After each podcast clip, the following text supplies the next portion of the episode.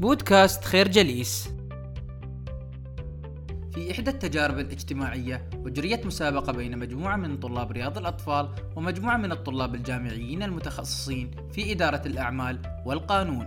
كان الهدف من المسابقة بناء أطول برج من عيدان المعكرونة باستخدام شريط لاصق ومجموعة من الخيوط. وعلى غير المتوقع كان طلاب الروضة هم المنتصرين في أغلب المرات التي أجريت فيها المسابقة. أثارت هذه النتيجة بيتر سكيلمان الذي كان يشرف على هذه التجربة. ومن بعد عدة تجارب لاحظ سكيلمان أن إجابة تساؤله كانت تكمن في آلية عمل الفرق.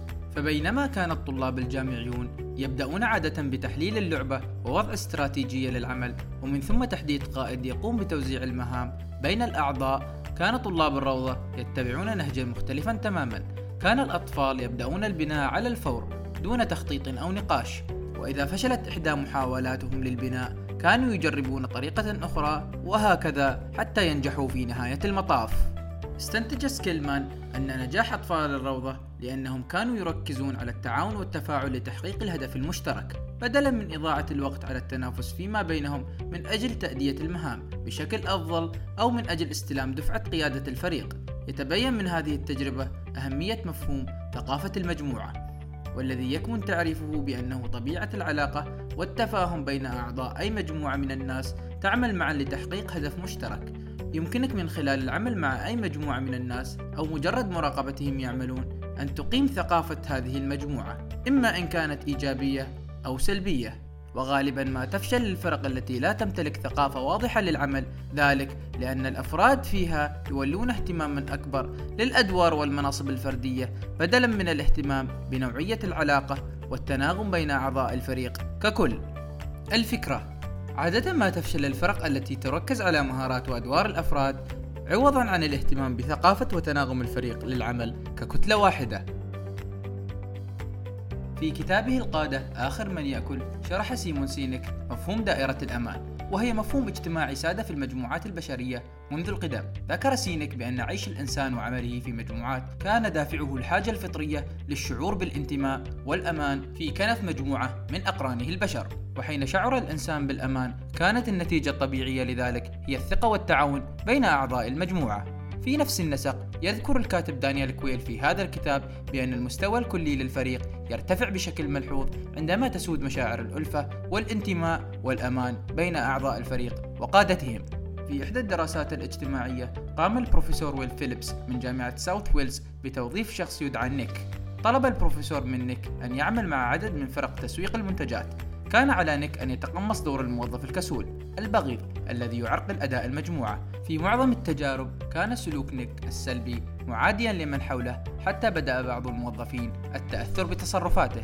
في المقابل أظهرت التجارب أن عددا قليلا من الفرق التي عمل بها نيك كانت لديها مناعة لهذا السلوك السلبي. وبتحليل ثقافة عمل هذه الفرق التي قاومت سلوك نيك السلبي وجد البروفيسور أن أحد أعضاء الفريق كان يحاول معالجة سلوك نيك. عن طريق بث مشاعر الدفء والإيجابية بين أعضاء الفريق الآخرين. كان هذا العضو دائما ما يذكرهم بشعور الانتماء للفريق ومشاعر الأمان والإيجابية. ساعد هذا السلوك الإيجابي المعاكس على تلافي الوقوع في فخ الموظف السلبي. تؤكد هذه التجربة بأن أعضاء الفريق يؤدون عملهم بشكل أفضل عندما يتلقون إشارات تحفز الشعور بالانتماء والأمان ضمن الفريق. الفكرة بث مشاعر الأمان والانتماء تعد من أهم وسائل رفع المستوى الكلي لأداء أي فريق. من أهم أساليب بث مشاعر الأمان هي استماع القائد لأعضاء فريقه في إحدى دراساته لاحظ الباحث بن وابر أنه من أسباب تفوق بعض الشركات على غيرها كانت تتمحور حول طريقة استماع الموظفين لبعضهم البعض. كان الموظفون في هذه الشركات الناجحة يظهرون بشكل واضح اهتمامهم لما يقوله زملائهم. كانت لغتهم الجسدية وتعابير وجوههم دائما توحي بالإنصات للمتحدث وكانوا دائما يستخدمون عبارات التأكيد أثناء الاستماع مثل صحيح نعم بالتأكيد الأسلوب الآخر لبث مشاعر الأمان والانتماء هو أن يصارح القائد فريقه بنقاط ضعفه الشخصية على الرغم من الاعتقاد السائد بأنه على القائد أن يبهر فريقه بنقاط قوته وكفاءته تتمثل الاستراتيجية الأمثل في جعل أفراد الفريق يشعرون بأن للقائد نقاط ضعف لذلك فهو يعتمد على كفاءتهم ويحتاج إلى جهود كل فرد منهم. المحاكاة طبيعة شائعة عند البشر خاصة عندما يعملون ضمن مجموعات بالتالي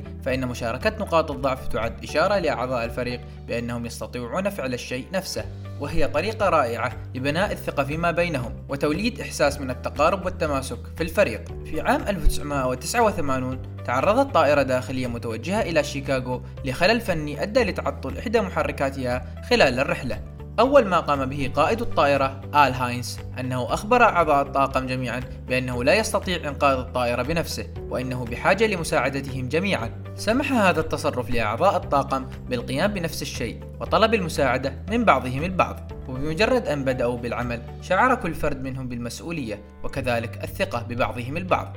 وكانت نتيجة ذلك نجاح الطاقم في الهبوط بالطائرة ورغم أن الحادث تسبب في مقتل 100 شخص من ركاب الطائرة الذين كان عددهم حوالي 200 راكب إلا أن ذلك كان أشبه بمعجزة حيث أكدت تجارب المحاكاة التي أجراها الخبراء أن فرص نجاة أي راكب كانت أقرب للعدم. الفكرة الاستماع للآخرين ومشاركة نقاط الضعف مع أعضاء الفريق من أهم أساليب بث مشاعر الأمان والانتماء ضمن المجموعة. إذا كنت متابعا لإحدى الرياضات الجماعية مثل كرة القدم أو كرة السلة فستلاحظ أن الفرق التي تقدم أداء عاليا تكون هي عادة الفرق التي تمتلك أسلوبا مشتركا ورؤية منتظمة يشترك فيها جميع أفراد الفريق. ذلك لأن الشعور بالهدف المشترك يعد من أهم مفاتيح نجاح الأداء الجماعي. يتمثل ذلك في التوافق على عدد من المعتقدات والقيم التي تسير عمل أعضاء الفريق. يساعد هذا الشعور المشترك على شحذ الهمم وبلورة الأفكار والسلوك ضمن الفريق للوصول إلى تحقيق الهدف المرجو. ونظرا لأهمية مفهوم الحس المشترك، تحاول الشركات الكبرى غالبا ترسيخ أهدافها ورؤيتها في أذهان الموظفين. تكتظ أروقة بعض الشركات بإشارات وشعارات تذكر الموظفين بهدف مستقبلي مشترك. شركة المنتجات الصحية الشهيرة جونسون أند جونسون تركز على ترسيخ أهدافها لدى جميع الموظفين. تعقد إدارة الشركة اجتماعات متكررة مع مدراء الأقسام لتعزيز النقاش حول ثقافة وأهداف الشركة، كما أنك عند زيارة مقر الشركة تجد الأهداف الرئيسية للشركة محفورة خارج المبنى الذي تقام فيه هذه الاجتماعات. تتمحور هذه الأهداف حول أولويات الشركة في خدمة ورضا جميع الأطراف الذي تتعامل معهم وتبدأ كالتالي نؤمن بأننا مسؤولون أولا وقبل كل شيء أمام الأطباء والممرضات والمرضى والأمهات والآباء وكل من يستخدم منتجاتنا وخدماتنا. ومن ثم تسلط الضوء على مسؤولية الشركة اتجاه شركائها وموظفيها والمستثمرين فيها وكذلك المجتمعات التي تخدمها. هذا هو الهدف الرئيسي لجميع موظفي شركة جونسون أند جونسون. الفكرة يعد إيجاد هدفا مشتركا للفريق من أهم عوامل نجاح العمل الجماعي. نشكركم على حسن استماعكم. تابعونا على مواقع التواصل الاجتماعي لخير جليس. كما يسرنا الاستماع لآرائكم واقتراحاتكم. ونسعد باشتراككم في البودكاست.